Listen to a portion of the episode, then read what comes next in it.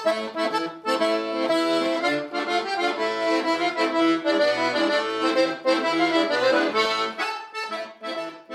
felicita!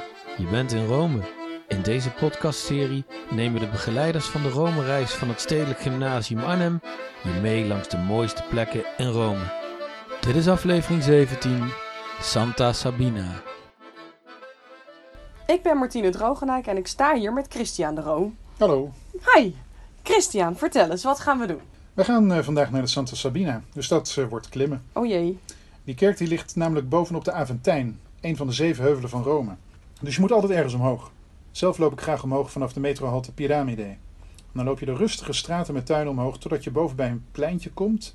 En dan lopen we verder en dan komen we uiteindelijk bij eh, de Santa Sabina.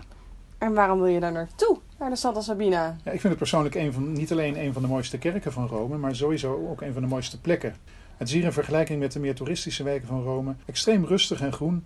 En tegelijkertijd heb je een prachtig uitzicht over Rome richting Vaticaan en Sint-Pieter. Het is inderdaad lekker eh, rustig hier.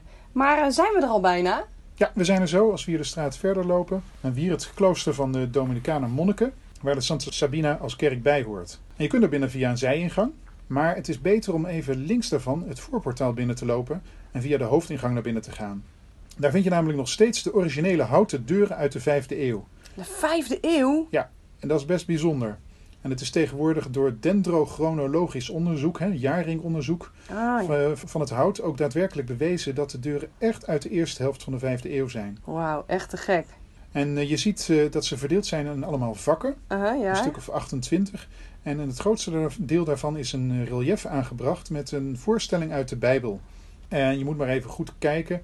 De meeste zijn wel te herkennen als je je best doet. In ieder geval is duidelijk een afbeelding van de kruisiging van Christus. En dat is trouwens ook de eerste keer in de geschiedenis dat we de kruisiging tegenkomen. En christenen die vonden het voor die tijd eigenlijk een beetje beschamend om de kruisdood van Christus af te beelden. Dus dat is ook een, een bijzondere eerste keer. Ja, het, ik, ik, het is inderdaad goed te zien, die kruisiging. En eh het jongen, wat bijzonder. Zullen we de kerk nu ingaan? Ja.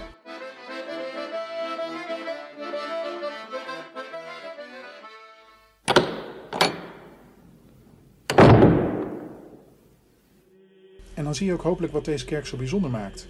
De grote, eenvoudige, bijna lege ruimte van de basilica. Zonder alle versieringen die in de meeste Romeinse kerken in de loop van de eeuw aan de kerken zijn toegevoegd. Je ziet geen barokke altaren, geen uitgebreide renaissance fresco's, geen tientallen zijkapellen met rijk versierde heilige beelden. Nee, je ziet vooral de simpele architectuur van een basilica. Een hoog en breed middenschip met een eenvoudige vlakke zoldering van balken, afgesloten met een halfronde apsis en aan de zijkanten twee rijen zuilen met bogen, met daarachter dan de zijbeuken. Het is het meest klassieke voorbeeld van een vroeg christelijke basilica. Ja, ik vind dat je dat echt goed eh, kan merken. Die grote lege ruimte. En ik, ik voel me ook bijna 2000 jaar terug in de tijd. Hoe komt het dat die inrichting zoveel soberder is? Ja, dat was eh, tot, eh, tot in de 19e eeuw helemaal niet zo. Toen was hij wel ver barokt. Ehm, de kerk is toen op een gegeven moment eh, tot ziekenhuis verbouwd en later weer kerk geworden. En toen hebben ze in het begin van de 20e eeuw hem grondig gerestaureerd. Met als doel de kerk helemaal in de 5e eeuw, dus eeuwse staat terug te brengen. En waarbij dus bijna alles uit latere tijden is verdwenen. Niet alles, kijk maar even achter je naar een zijkapel met nog eh, heel veel barokke aankleding. Ja, ja, inderdaad, ja. En je moet ook even letten op de, op de ramen. Die hebben ze toen ook ge- gerestaureerd. Bedoel je die ramen zo bovenin? ja, langs ja, de- bovenin en ook in de zijbeuken. Oké, ja. En ze hebben geprobeerd de originele situatie terug te brengen met ramen die niet van glas zijn, maar van seleniet. En dat is een soort doorschijnend gips. Dat licht dat daar doorheen komt, die lichtinval, die bepaalt ook heel sterk de sfeer in dit gebouw.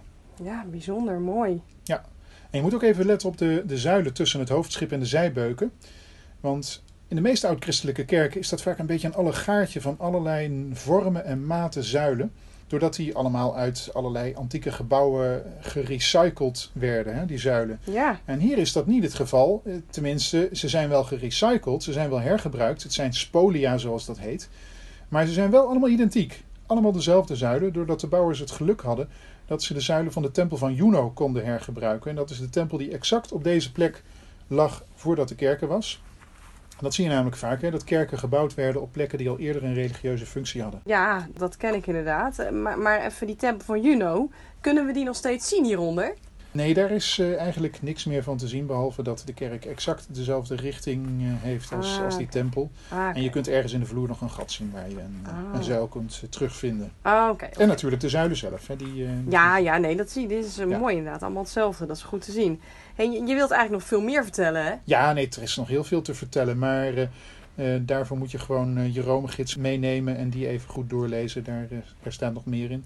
Let ook even op de Latijnse tekst boven de ingang. Die is ook nog origineel uit de begintijd in Latijnse hexameters. Lees het maar even voor jezelf voor. Oh, te gek joh.